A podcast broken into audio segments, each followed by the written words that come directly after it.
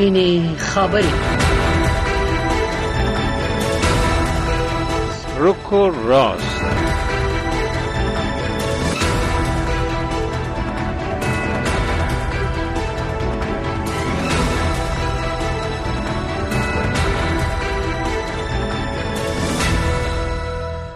السلام علیکم درنو ریدونکو په خیر راغلی. ستړي مشه د سپینه خبرې یا رکو راس پروګرام اوریدو ته حفیظه صفی صاحب او زیبا خادم د خبرونه قربانه یو نن خبره ده چې په جنیف کې د ملګرو ملتونو د بشري حقوقو د شورا په 1550مه غونډه کې د روسیې د فدراسیون هیئت په افغانستان کې د ټول شموله حکومت د جوړېدو په ضرورت ټینګار کړی دی. ډیر سوالونه دي او سوال ده چې په افغانستان کې د هم شموله حکومت جوړیدل روسیې ته څه ګټه لري و همچنان ای دیپلمات در تاکید کرده که افغانستان با دلیل خروج عجولانه نیروهای خارجی با بحران و فقر و مشکلات اقتصادی روبرو شده. په همدې مسلو باندې د دوه تنو کارپوهانو سره غږیږو خو اول د نړۍ د دې ساعت خبرونه واوري ویان سید سلیمان شاه. په ژینیو کې د ملګرو ملتونو د بشري حقوقو د شورا په 55مه کلنۍ غونډه کې د روسي د استازولۍ وغړي په خپل وینا کې په افغانستان کې د طالبان په حکومت غږ وکړ چې په خپل هواد کې د یو ټول شموله اداري سیستم د جوړولو په اړه پر خپل مخکنی وژمنو او وادو وفا وکړي. د روسي د تاس خبري اژانس د روسي د استازولۍ د غړي روسلان ستروګانوف له قوله. خبر ورکړ چې مسکو له افغان چارواکو سره خپل تماسونه ساتي او هڅوي چې د عامه ادارې د ټول شموله سیستم د جوړولو په اړه خپل کړي ژمنې عملي کړي.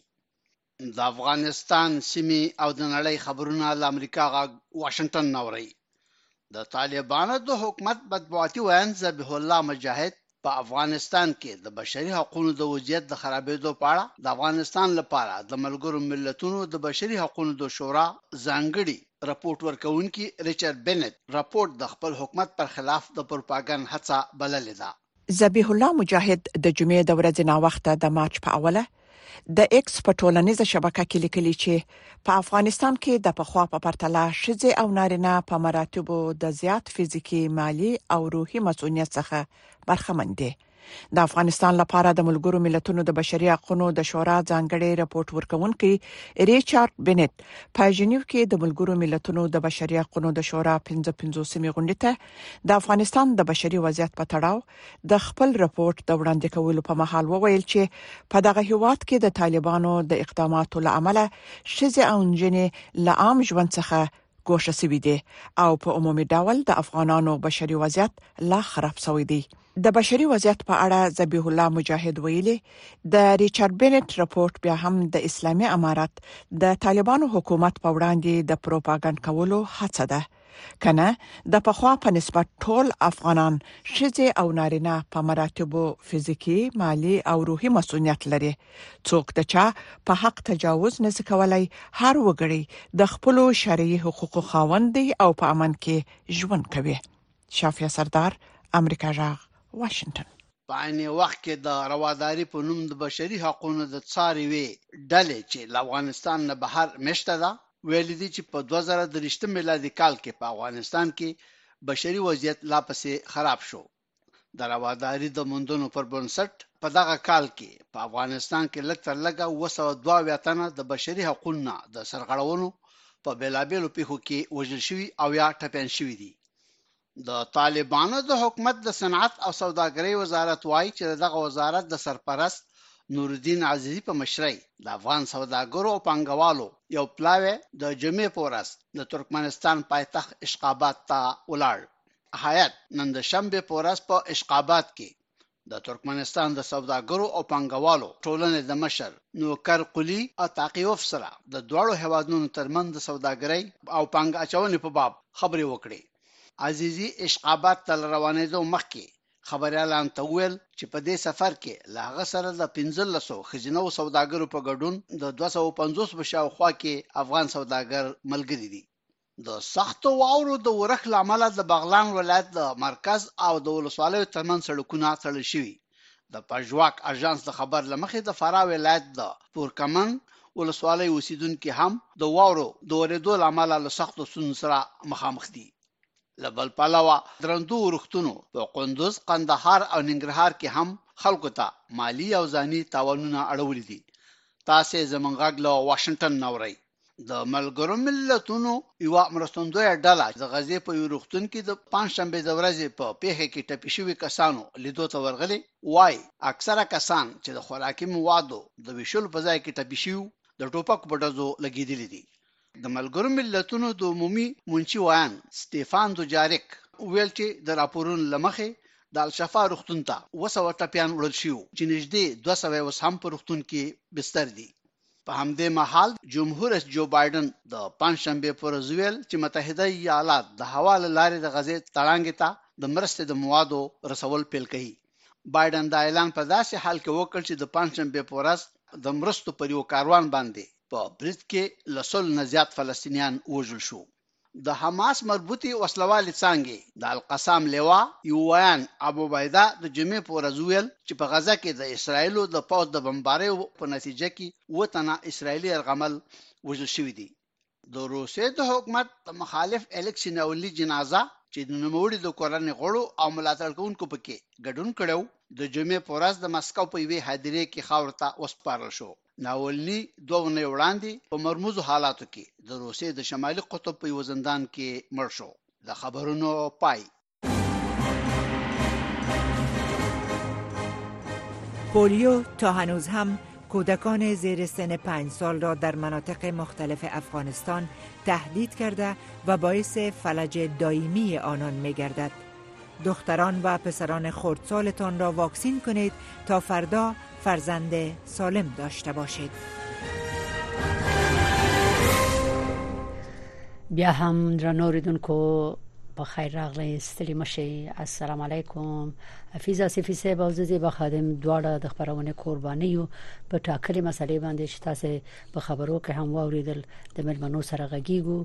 او موضوع دا چې مخکې د دې چې موضوع اعلان کوم یو ځل بیا هم قدرمن اورینونکو تاسو ټولو نه مننه وکم یا مننه وکړو چې تاسو د امریکا غږ خبرونه اوري او بیا خپل نظریات څرګندوي موږ امریکا غږ صرف هم دومره کوو چې مسایل مطرح کوو او قضاوت تاسو ته پرېږدو کارپوهان راځي خپل نظریات ورکړي خو نن موضوع دا ده لکه څنګه چې مو مخکې واوریدل د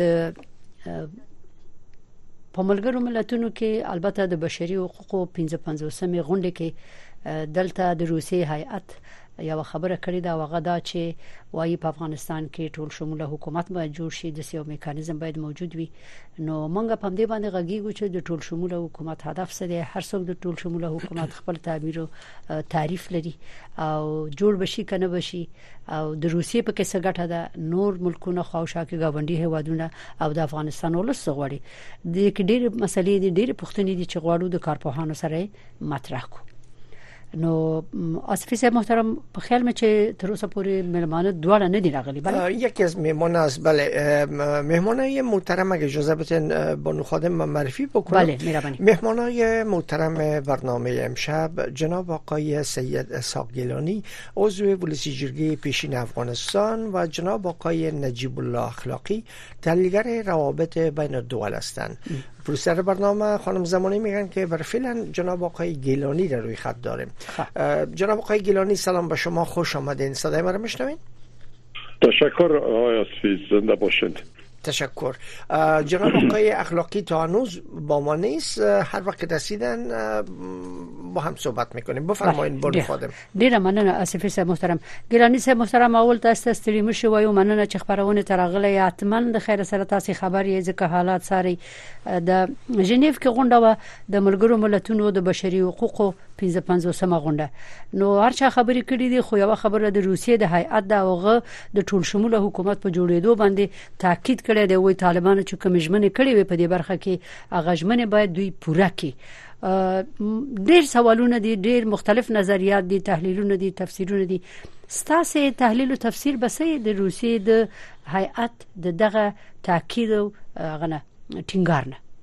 چې هم شمول حکومت د افغانستان کې جوړ بسم الله الرحمن الرحیم زیبا خورس تاسو ته او ډاکټر صاحب واصفي او د افغان بله فکر کوم پروډوسر صاحب لکه چې ما اشتباه وشول د ګیلانی صاحب غږ مونږ ته نه راځي لکه چې خطا شو کڅه ډیر وخت شو چې امی جناب آقای گیلانی صدا شما قطع وصل میشه اگر امکان داره خواهش میکنه خود کمک موقعیت خود تغییر بدین فقط همه قدر نزدیک چیز هستم می ماشین که به اینترنت وصل است. خواه خواه فعلا سی شد. فعلا کاملا درست شد. زنان امکان داره که خوب شود. انشالله. بفرمایید. ادامه بدین.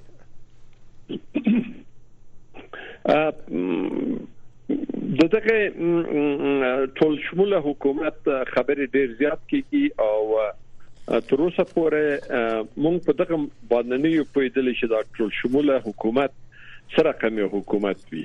ټول شموله حکومت په نورو ملکونو کې خو انتخابات کیږي یو حزب برای اخلي رای اخلي خپل د خلکو نه او بیا حکومت جوړوي.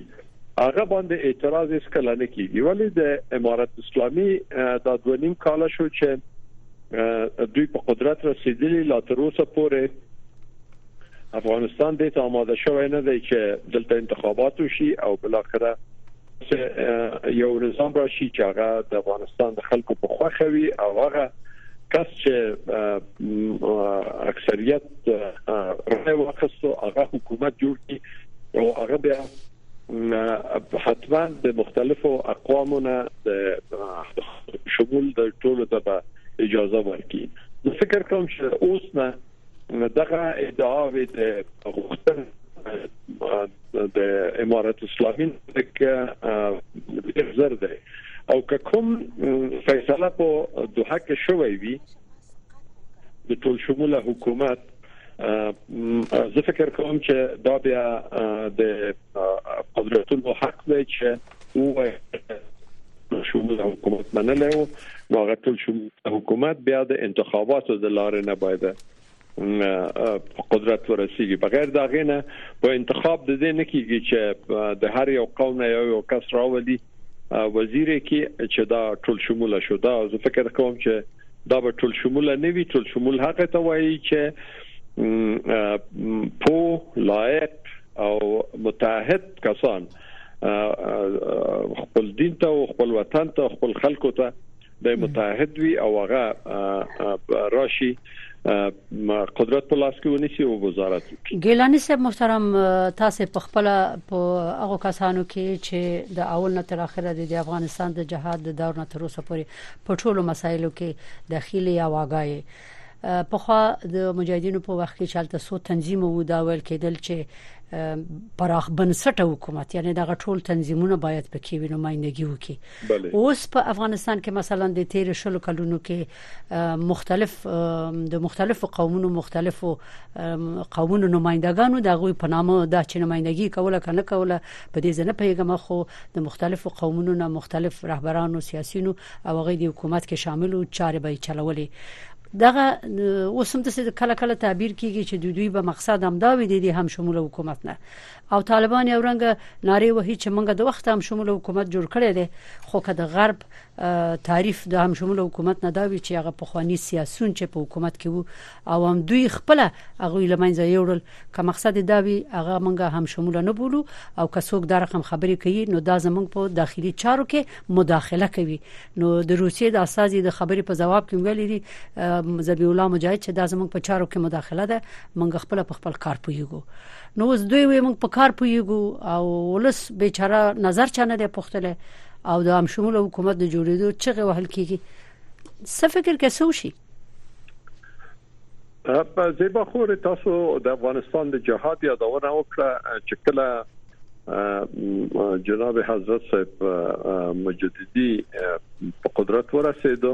bale نو هغه وخت کې د ټولو تنظیمونو نه وزیران وو او درست.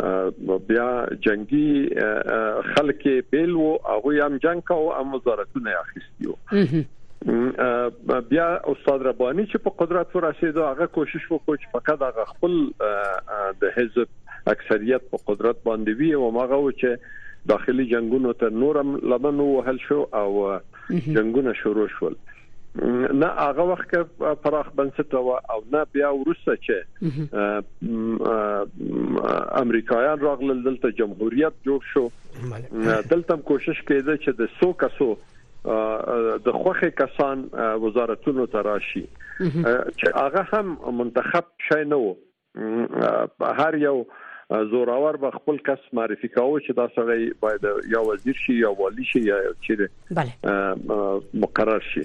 نو په دې رقم باندې هغه متاسفانه مونږ تر اوسه پورې نه یو رسیدلی د ته چې مونږ یو ټول شموله حکومت جوړ کړو چې په هغه باندې واقعا د افغانستان د خلکو ارمانونه پوره شي. خلک د غربت او بیچارهګي نور توان په نه رسیږي او مونږ په دې غب کې چې د زما د قوم نه ولې څوک وزیر نه دی. زما په نظر باندې مونږ یو څه وخت لرو.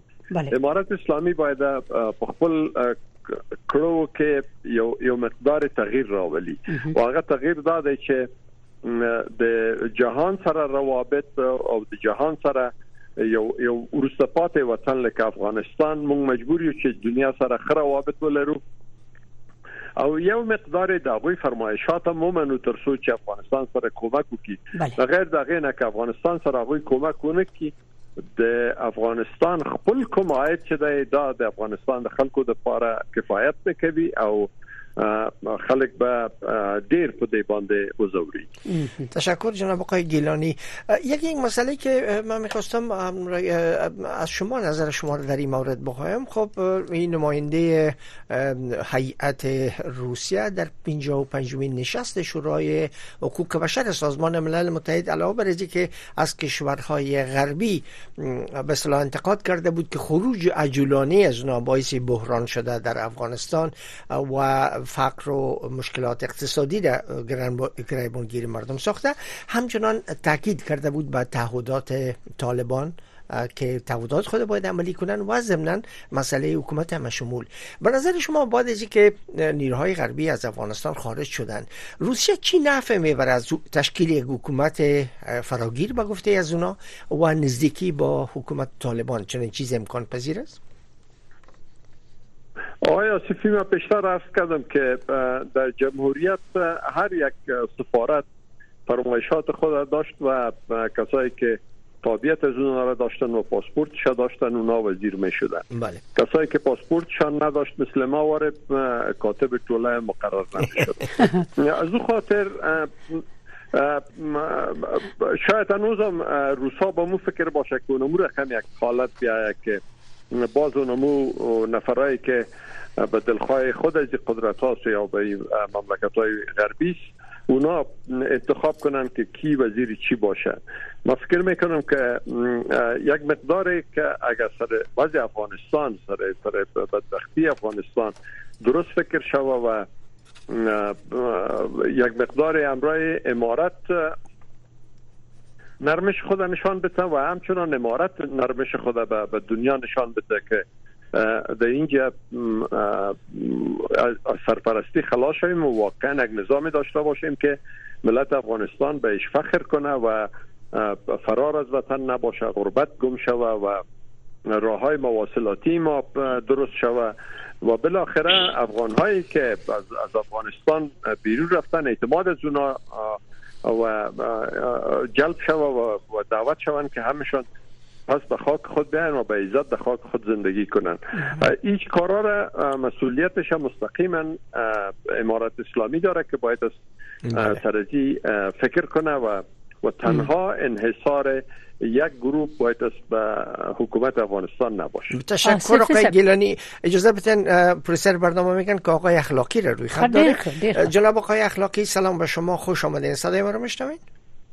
بله درود به شما و بیندگان و تشکر از حضور شما من با اجازه شما خانم خادم یک سوال با آقای اخلاقی آمدن. شما در در آغاز برنامه با جناب آقای گیلانی صحبت می‌کردیم در رابطه با مسئله ای که هیئت روسیه در 55 نشست شورای حقوق بشر سازمان ملل متحد از طالبان خواسته که یک حکومت همه شمول فراگیر چنان که تعهد کرده بودند در آغاز هم ایجاد بکنند ما تازه روی این مسئله صحبت می‌کنیم که چون این روسیه چون این خاص داره از حکومت طالبان می‌کنن و علاقمندی داره در حالی که همه انتظار داشتن که شاید روسیه یکی از نخستین کشورهایی باشه که طالبان به رسمیت بشناسه.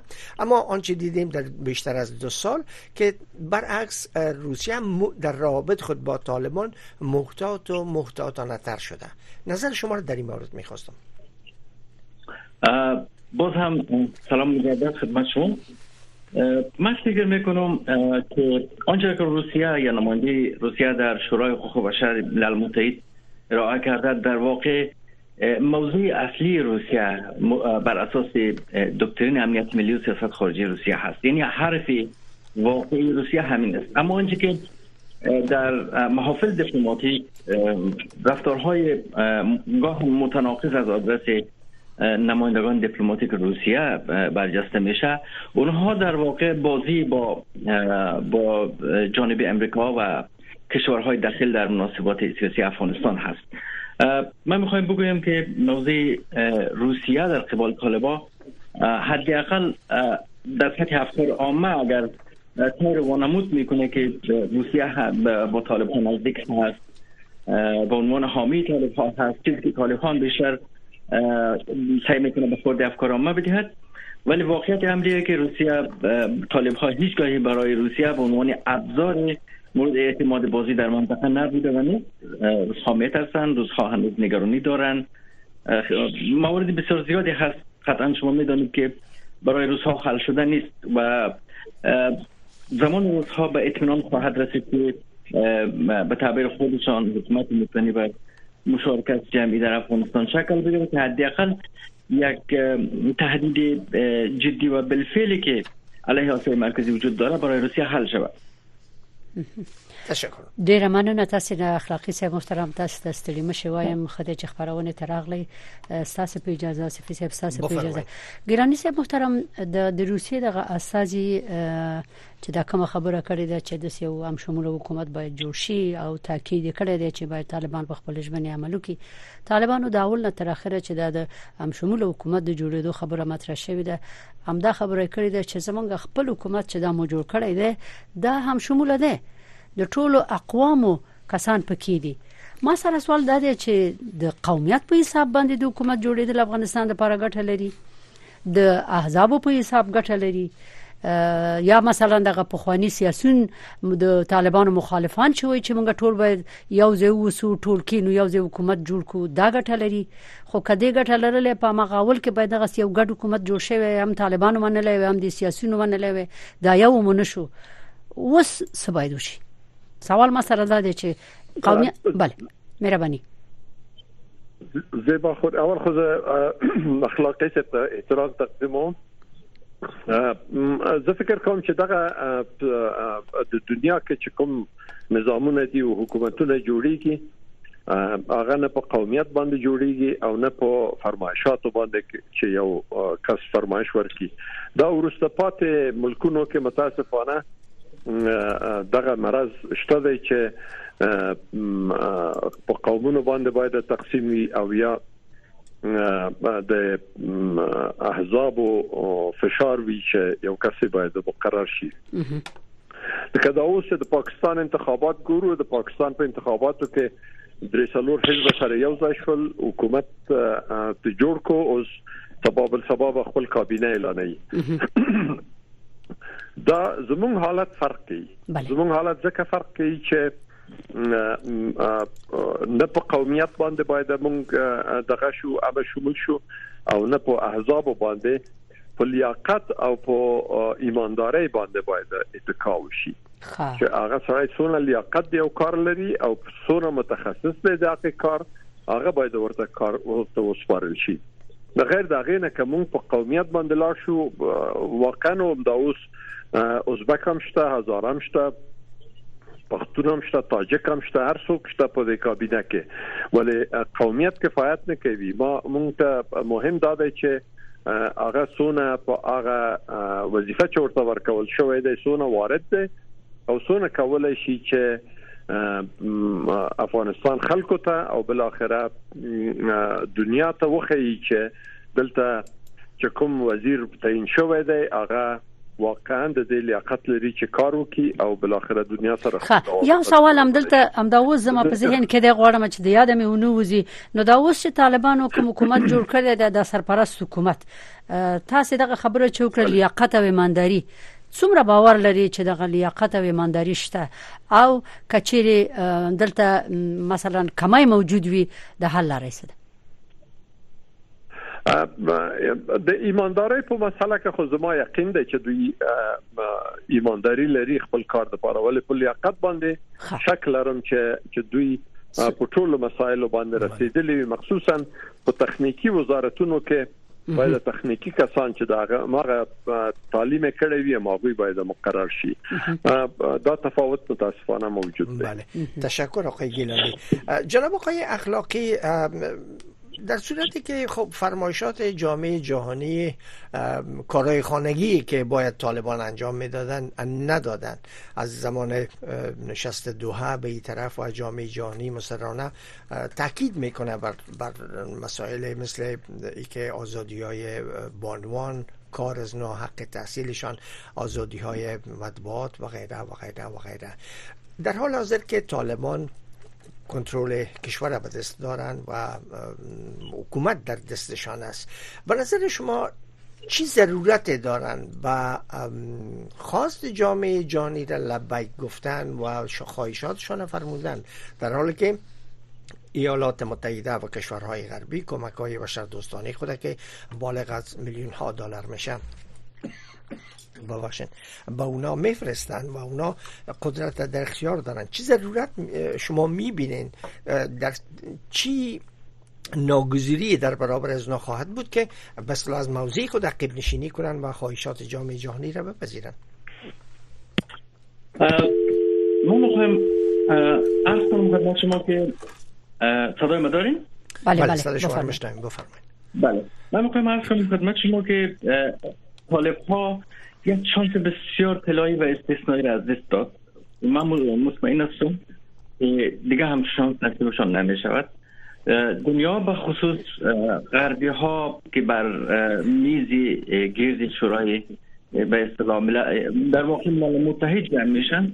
حد اقل های معیارهای حد اقلی به طالب های که در واقع یک سرپوش برای به رسم شناختن طالب ها شما می‌فهمین که در کل کشورهای عضو ناتو پس اوگوست 2021 و رسوایی و فاجعه در افغانستان اتفاق افتاد. اینا سعی کردن که این رسوایی رو به گونه دیگه ترمیم کنه. با حد اقل ها آمد به سراغ طالب ها و دنیا هم اعلام کرد که ما می‌خواهیم با این حد اقل ها به اصطلاح طالب ها رو قانع کنیم که بروند به سوی به اصطلاح یک اطمینان بخشی متاسفانه طالب های شانس از دست داد. درگیر یک سری احساسات کاذب شد یک به اصطلاح قهرمانی کاذب به ذهنشان حق شد فکر کرد که قهرمان هست. ما فکر می‌کنم او فرصت از است طالب رفت. حالا وقتی شما می‌بینید که روسیه همچون چیزی را نه تنها در شورای حقوق بشر بلکه در تمام محافل رسمی هم اعلام کرده.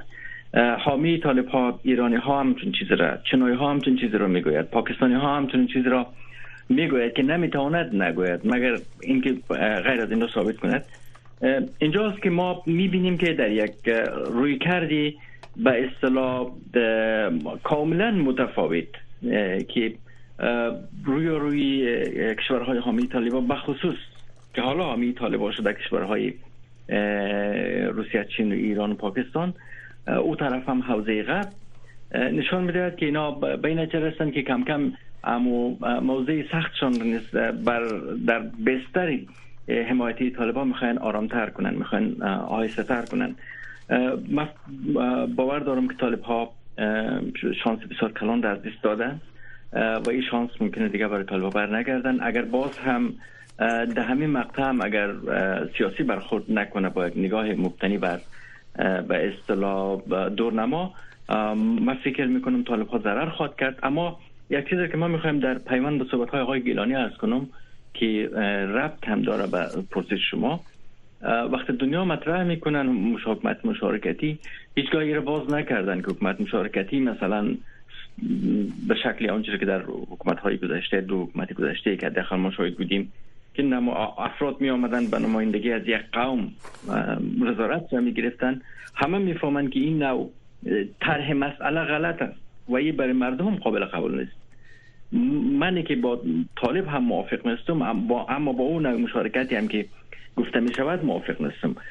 بحث از مشارکتی رو وقتی که مطرح می‌کنن اینجا سه عنصر خیلی اساسی داخل هست. یکی مشروعیت است یکی پاسخگویی هست یکی شایسته سالاری است که آقای گیلانی مطرح کرد. هیچ کدامش وجود نداره. مشارکتی که بیشتر مطرح می شود بابش مشروعیت طالب ها بیان انتخابات کنن اصلا 99 درصد انتخابات را ببرن. هیچ کسی اعتراض نخواهد داشت. حتی مخ... سرسختترین مخالفینشان هم اعتراض نخواهد توانست که این مشارکتی نیست. مشارکت بیسش مشروعیت است دیگه. یک گروه آمدن مثلا به زور یا معامله یا استفاده کردن از اختلافات روسیه از روسیه چین و آمریکا ایرانی ها هم داخل و پاکستانی هم داخل قدرت را گرفتن. حالا شما به اصطلاح یک پای مشروعیت باید داشته باشد یا نه؟ حالا اونجوری که این بزرگوارا مسئولان یا رهبران طالب ها می‌گوید که نگاه آسمانی به قدرت دارند. قدرتی که در دوران خلفای راشدین آوردن که بیسش در آسمان بود. حالا که قدرت زمینی شده حالا بیسش مردم انتخابات مشروعیت است پاسخگویی شایسته سالاری اینا نیست. من نه. تمام بحث مشارکتی که دنیا فعلا مطرح می‌کنن مشروعیت است. و برادر رهبران طالب ها و بله. دوستانی که همسو است با طالب ها وقت بحث مشارکت رو مطرح می‌کنن اینا میگن که شما به نماینده اقوام رو بپذیرین اصلا پذیرفتنی نیست برای هیچ. کس تشکر آقای اخلاقی. مننه تاسو اخلاقی صاحب تاسو نظر واوریدل شو ګورو چې ګیلانی صاحب سوای ګیلانی صاحب محترم د هم شمول حکومت د جوړېدو خبره چې کیږي په دې تاکید کیږي چې یو میکانیزم وي او د هم شمول حکومت جوړ شي. د د طالبانو خبره ده چې موږ د نړیوالو سره تعامل غواړو د غواړي تعامل ولري روابط ولري او هیئتونه ټول زینو تزي سفیران شته مثلا قونسلګریو کې د دوی کسان شته دوی د غواړي چې روابط ولري د دنیا سره. وای موږ د رسمیت مو پیژني د امنیت د شورا غونډه چې د ډېر هڅه وکړي چې د نمائندل ته و پیژندل شي او د ملګرو ملتونو لخوا د امنیت د شورا لخوا د افغانستان د لپاره بل خاصه استاد و نه ټاکل شي مخالفت وکړه مګر کله چې بیا دنیا ورته وایي چې د حکومت جوړ کوي دا زمونږ په داخلي چارو کې مداخله ده نو ک نړیوال د نړیوالو د نړیوالو معیارونو په اساس په افغانستان کې یو میکانیزم یا حکومت غواړي نو بیا ول د طالبان مداخله غني دا خو مداخله نه ده. دا خو مشوره ده. د یو نظام د خکېدو لپاره د یو ښه نظام د راتلو لپاره ک طالبان غواړي چې په رسمیت پیژندل شي نو د دین خو خبره نشته ده. تاسو څه فکر کوئ ګیلانی صاحب؟ آیا طالبان په دې نه پیږي ک دوی ته ویل شوی دي چې هم د څه وکړي نه په یقین باندې چې دوی هم پوېږي هم د دې فهم لري. دنیا کې څوک حکومتونه دي؟ یو دیموکرات حکومتونه دي چې په انتخاباتو باندې راځي شاهي حکومتونه دي چې هغه هم انتخابات کوي او صدر اعظم قدرت لري. بله. شاه لکه یو سمبول ناسي او یا دیکتاتوري حکومتونه دي لکه کوریا شمالي چې هیڅ شي نه مني دي چې خبره نه مني. درست. د خاطر خلک ډیر لوګ او بیچارهګي باندې ژوند کوي او دغه ټول زور په نظامی باندې دی افغانستان وخت کله چې دنیا ورته وایي چې حکومت باید جوړ شي دغه حالت د دې چې افغانستان سره کومک وشي دا دا نه یوازې د دنیا بلکې د افغانستان د خلکو غوښتنه ده چې دنیا کوم سره کومک ونه کی خپل دا ملک نشو چلاولای ډیر مشکل دی چې خپل خلک نسونه ماړه کو او بل اخره دا یو حالت ورته پیدا کو چې هغه واقعا په فخر باندې راشي خپل وطن ته او پردي وطنونه پریږدي نو دلته دغه مشکلات موجود دي او زه فکر کوم چې امارات اسلامي باید د افغانستان خلکو ته وښشي او د دنیا سره ځان هم مقدمه کړي او بل اخره دلته داسې یو یو سیستم جوړ کی چې هغه قابل قبول وي. هم د افغانستان د خلکو لپاره هم د نړیوالو لپاره چې مرستندوی حکومتونه دي. توقع لري چې د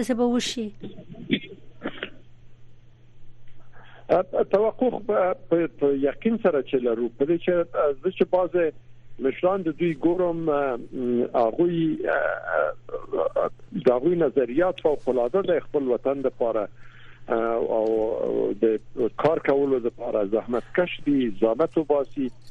نو ولې دغه د یادونه باسو چې دا یو یو وګړي مهاله عملګرتیا د دوی په منځ کې تیر شوی او دوی باید خپل د ملګرو هغه خیال وساتي. عزت وساتي. او سموده دوی باید ورته کار ورکړي او وزارت ورکړي. ولې بل اخره مجبور کیږي چې داسې یو سیستم جوړ کړي چې دنیا ورسره همگام شي پراسیت او پیژني او بل اخره دنیا سره موږ هم روابط ولرو زموږ پاسپورت ارزش پیدا کی ملي سرود ولرو ملي بیرغ ولرو بل اخره پارلمان ولرو او یو مسؤل او او جوابگو حکومت پارلمان ته د افغانستان خلکو ته وي. بله. تشکر جناب آقای گیلانی. آقای اخلاقی خب این اظهارات نماینده مسکو یا عضو از هیئت مسکو در نشست شورای حقوق بشر ملل متحد در حال صورت می‌گیره که در اواخر نشست های پی در پی در نقاط مختلف و آخرینش در دوحه در رابطه با افغانستان ایجاد شد و بالاخره در شورای ملل متحد هم در شورای امنیت ملل متحد هم منشی عمومی ملل متحد گزارش خود ارائه کرد و گفت که باید یک نماینده برای حل مسئله افغانستان انتخاب شود. خب این همه را جهان غرب سازماندهی می‌کنه و پیشنهاد می‌کنه و طالبان هم نپذیرفتن که در نشست دو اشتراک بکنن به نظر شما وقتی این همه از طرف جهان غرب پیشنهاد میشن طالبان چقدر می‌تونن به اصطلاح از موقف خود باین بیان؟ چقدر نرمش می‌تونن از خود نشان بدن؟ چقدر شما فکر می‌کنین که بالاخره اگر چنین نماینده که طالبان گفتن رو نمیپذیرن تعیین شوه در امور افغانستان مثبت است و طالبان در ایمیان چی گزینه دارن؟ خب دو روی کرد اینجا خیلی برجسته هست. ببینید یک وقت است که طالبان وقتی که چنین موضوعی را اتخاذ می‌کنه در پس منظر این موضوع یک سری علامت های دوستانه یا اشاره گوشه چشمی دوستانه روسی چینایی و ایرانی و پاکستانی رو با خود داره که برشان در دیپلماسی پنهان برشان گفته خواهد شد که شما سخت استاد شوید و مقاومت کنید. که اینجا باز هم می که رهبران طالبان با یک دینیش سیاسی باستر اگر متعهد با آینده افغانستان باشن نگاه کنن. موضوع دیگه که آنچه که نماینده روسیه از او طرف پهلوی دیگه بازی ها وقت نماینده روسیه در شورای امنیت موضوع ضد کشورهای غربی در برابر طالبان را می‌گیرن اما در شورای حقوق بشر از طالب می‌خواهند که حکومت مشارکتی ایجاد کنید. من فکر می‌کنم این بخش از صحبت های نماینده روسیه بیشتر می‌تونه یک اختار باشه برای یک وارنینگ باشه برای طالبا و برایشان بگوید که ما دیگه خیلی خیلی نمی‌تونیم بیشتر از مقاومت کنیم. اساسا روزها به دنبال بود که دیپلماسی امریکا در منطقه را زمین گیر کند که قطعا در دو سال نشان داد که روزها در دیپلماسیشان نسبت به امریکایی ها قوی تر عمل کرده در موضوع افغانستان. طالبانی که با حداقل به منظور خلق تهدید در منطقه حمایت شد رها شد برایشان از 15 از اگوست به این طرف. روزها تانست این بستر پر آشوب را مدیریت کنه. اکنون من فکر می‌کنم آقای آصفی و همچنین نمیفهم آقای گیلانی چقدر موافق هست. من فکر می‌کنم شانس های آخر را طالب ها در از دست می‌دهد.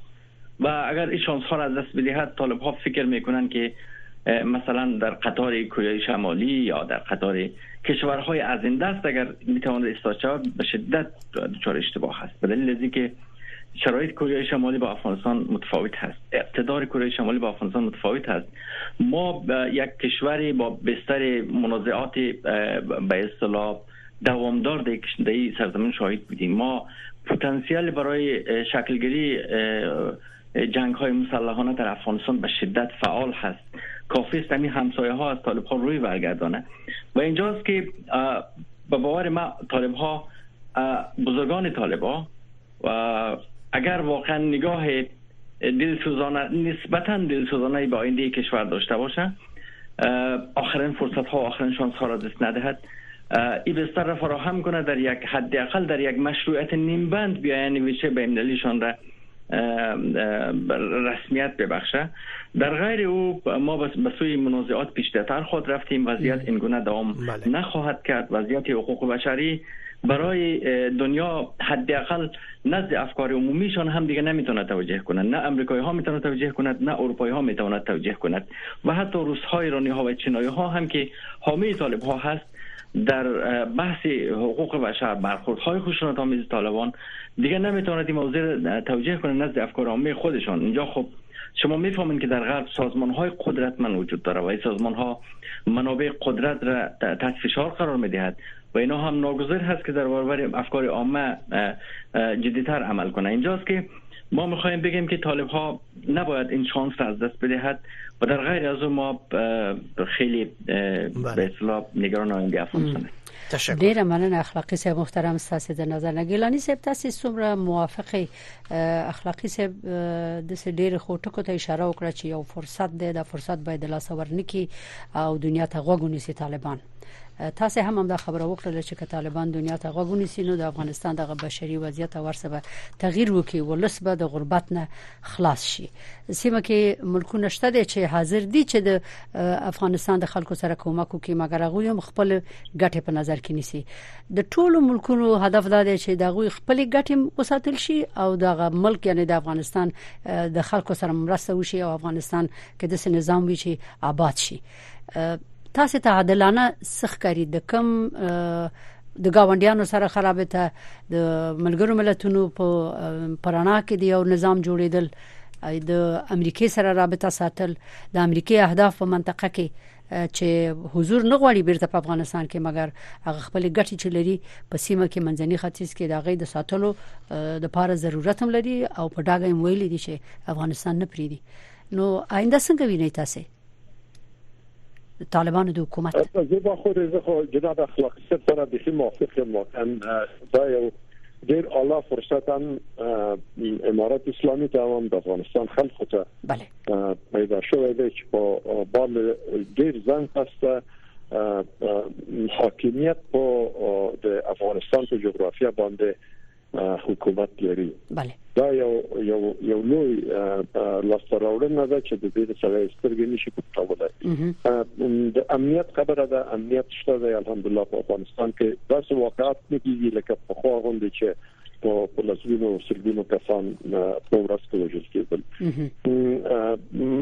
د دغه فرصت نه د خص استفاده لپاره امارات اسلامي کولای شي چې د همیش لپاره د افغانستان د خلکو په پوزیشنونو کې ځای پیدا کړي او هغه د چې افغانستان د دغه بنبست چې د د دنیا په جنګلوي ده پیدا شوې ده چې څنګه د مې زویسي او او دا په ډېر اسانه باندې امارات اسلامي کولای شي بعضه تخنیکی وزارتونه خلکو ته ورکی په نور کسان د دعوت کې هغه ته ورکی چې خپل کار وکړي نظامی وزارتونه چې دی دا د دوی په حق د شل کال جنگ کړي دوی سره باید دی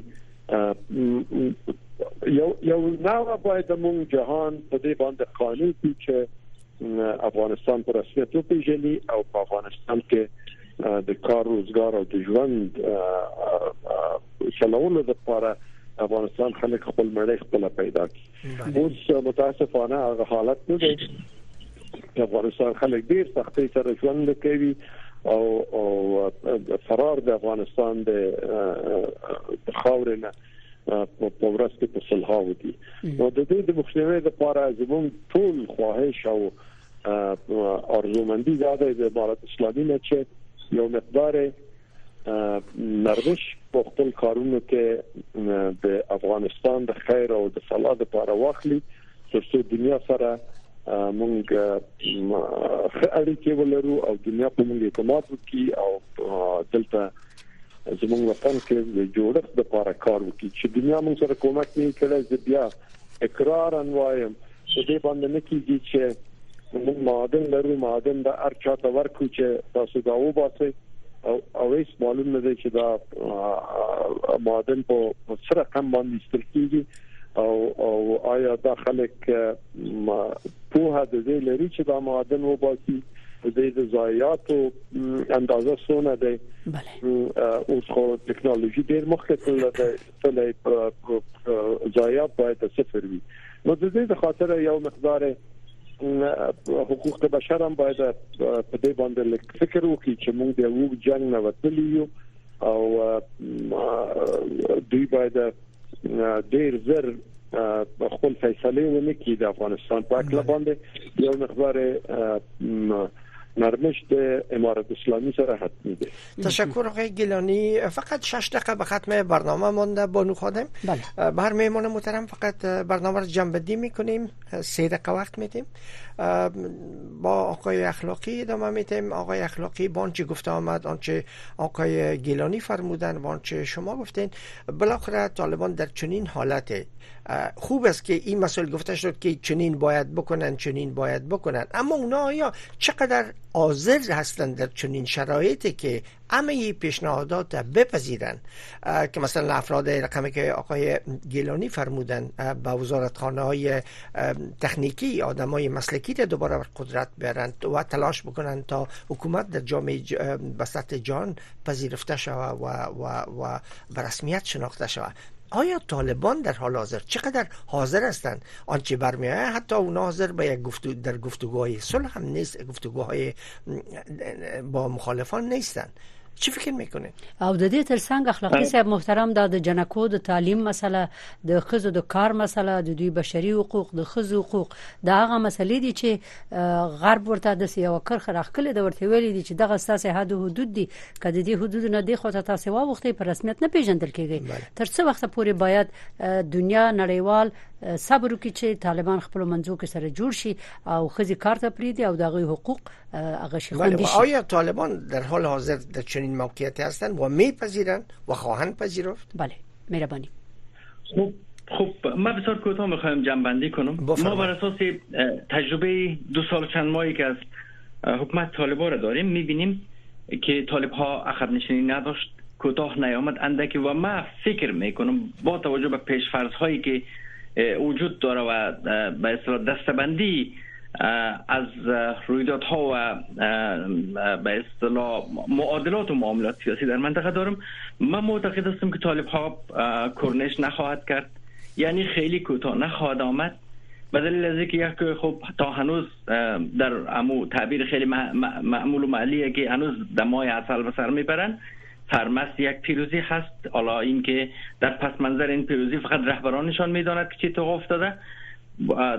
رهبران متوسط و پایین خبر ندارن اصل داستان را موضوع دومی است که طالب ها همونطور که عرض کردم در این دو سال و چند ماه در یک میدان برد برد قرار داشت یک جدال بین قدرت ها بود. همونطور که شما می‌فهمین ما جغرافی های حایل بودیم و هستیم. ما جغرافی های حایل برای کنترل تصادم منافع قدرت ها همونطور خلق شدیم و همونطور هم اگر درست بازی نکنیم باقی میمانیم. و در این شانس طالب ها در بازی برد برد قرار داشت. امریکایی ها برشان پول فرستاد اروپایی ها برشان پول میفرستن.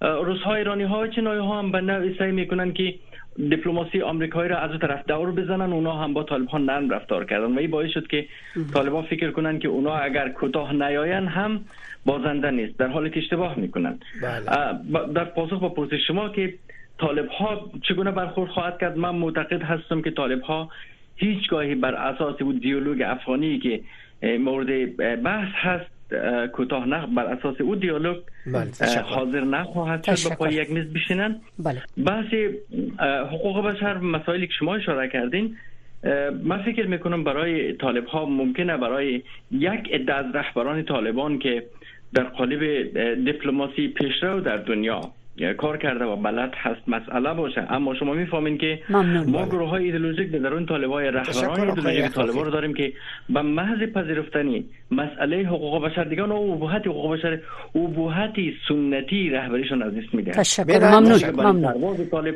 برای سرباز طالب دیگه او جایگاه را ندارد تشکر اخلاقی صاحب محترم. فقط وقت داخلی بله. میبخشین بسیار گپتان قطع کردم. وقت ختم شد. گلانی صاحب فقط یو دقیقه لرو که تاسو خپل نظر ورکړئ چې بل اخره د دو دقیقه وخت دار. دو دقیقه د خوري خشو ښه دو دقیقه وخت لرو فقط دومره نظر ورکړئ چې څنګه کې د شي طالبان غاړه کړي دغه هم شمول حکومت جوړېدو ته چې مسله حل شي. زه فکر کوم چې یو مقدار اول خپل افغانانو پورې تعلق لري چې کوم کسان چې د امارات اسلامي سره په تماس کې د دوی مشرانو سره خبرې کوي bale. دغه مشکلات د خلکو او بل اخره د دنیا مشکلات دا سره همیشه دوی سره مطرح کی په یقین سره چې یو تعداد د دوی سره چې مال دي دي خپو هلري خد دنیا د حالاتونو خبر دي او بل اخره د افغانستان د حالاتونو خبر دي ځلیم غواړي چې یو مقدار تغییر په سیستم کې راشي ولی مهم دا ده چې د رهبری سطح باید یو مقدار د افغانستان په دغه مشکل باندې زیاتر فکر وکړي او کوشش وکړي چې دغه حالت نور پای پیدا کړي او د افغانستان خلک د د ژوند او د وخت او د تیرېدو د وخت پیدا کی او بل اخره خپل خوره که په عزت باندې بین تشکر از هر دو مهمان محترم جناب آقای گیلانی و جناب آقای اخلاقی که در برنامه با ما بودن و نظر خود با ما و شنوندگان قسمت کردن. وقت خوش برای هر دو مهمان محترم تمنا داریم. حال هم رویا زمانی. تازه ترین خبرهای افغانستان منطقه و جهان پیشکش می‌کنم. سلام وقت شما بخیر. رویا زمانی هستم با تقدیم مشروع خبرهای این ساعت. یک نهاد ناظر بر وضعیت حقوق بشری در افغانستان موسوم به رواداری.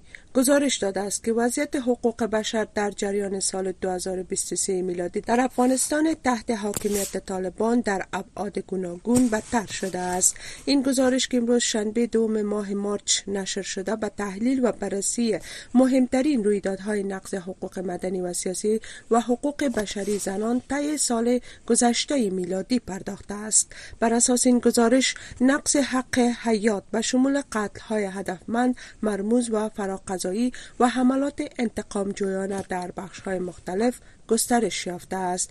گزارش گفته است که طی سال گذشته 506 نفر در رویدادهای گوناگون نقض حقوق بشر در سراسر افغانستان کشته و 266 تن دیگر زخمی شدند.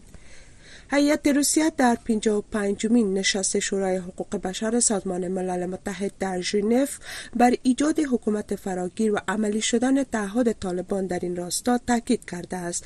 خبرگزاری تاس به نقل از روسالان استورگانوف عضو این هیئت امروز شنبه دوم ماه مارچ گزارش داده است که مسکو برای تقویت ثبات و امنیت افغانستان تلاش می کند و این اولویت روسی است. همچنین این دیپلمات روسی وضعیت بحرانی کنونی افغانستان را ناشی از خروج عجولانه غرب از افغانستان در آگوست سال 2021 عنوان کرد و گفت که کشورهای غربی ویرانی و فقر را در این کشور به جا گذاشتند.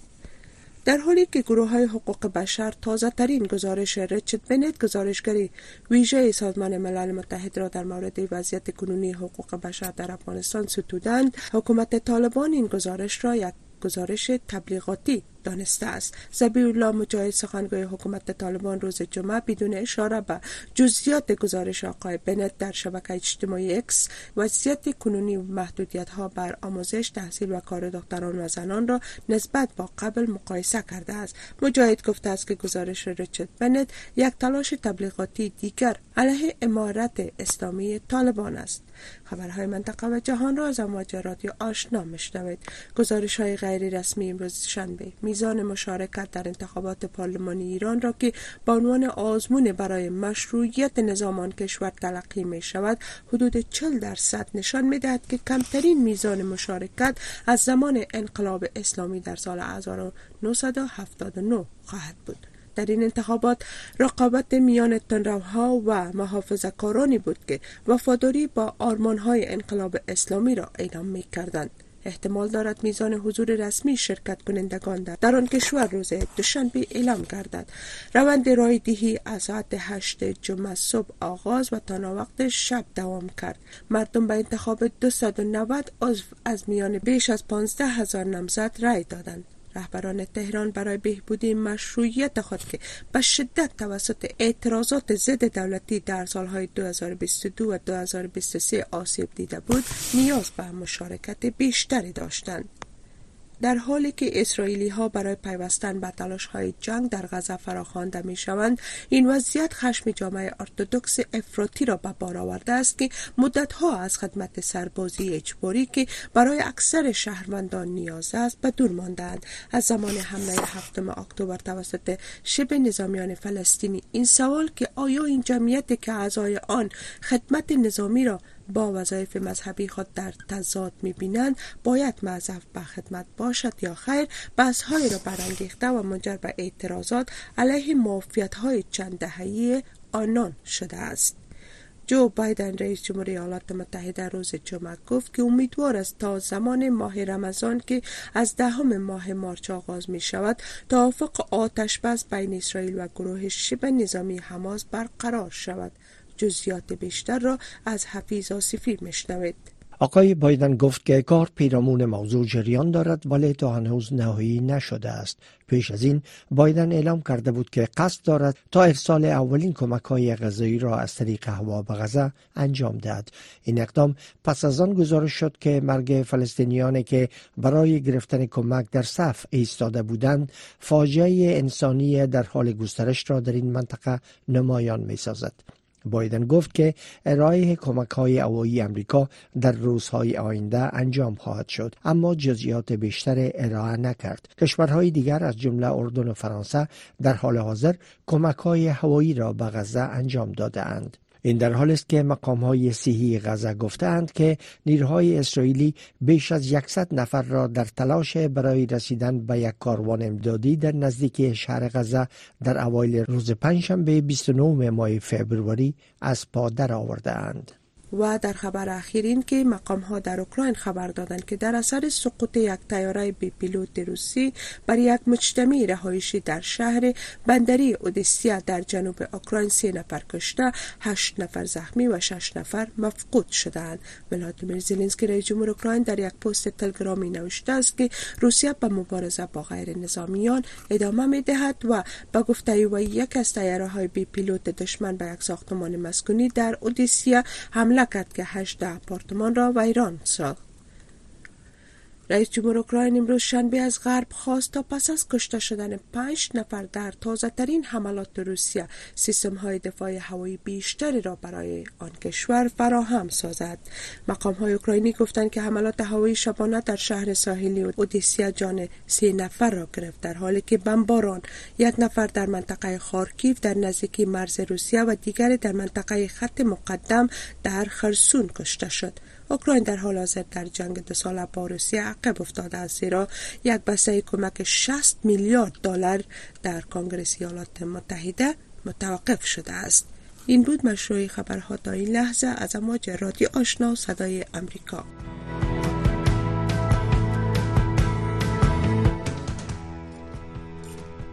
شنوندگان عزیزی بود داشته های برنامه روک و راست سپین خبری که در همینجا به پایان رسید. اما نشرات پشتو و دری رادیو آشنا صدای امریکا همچنان ادامه داره برنامه بعدی ما نن او وضعیت است که همکار ما بانو زیبا خادم را گردانندگی می‌کنن شنونده رادیو آشنا باشید.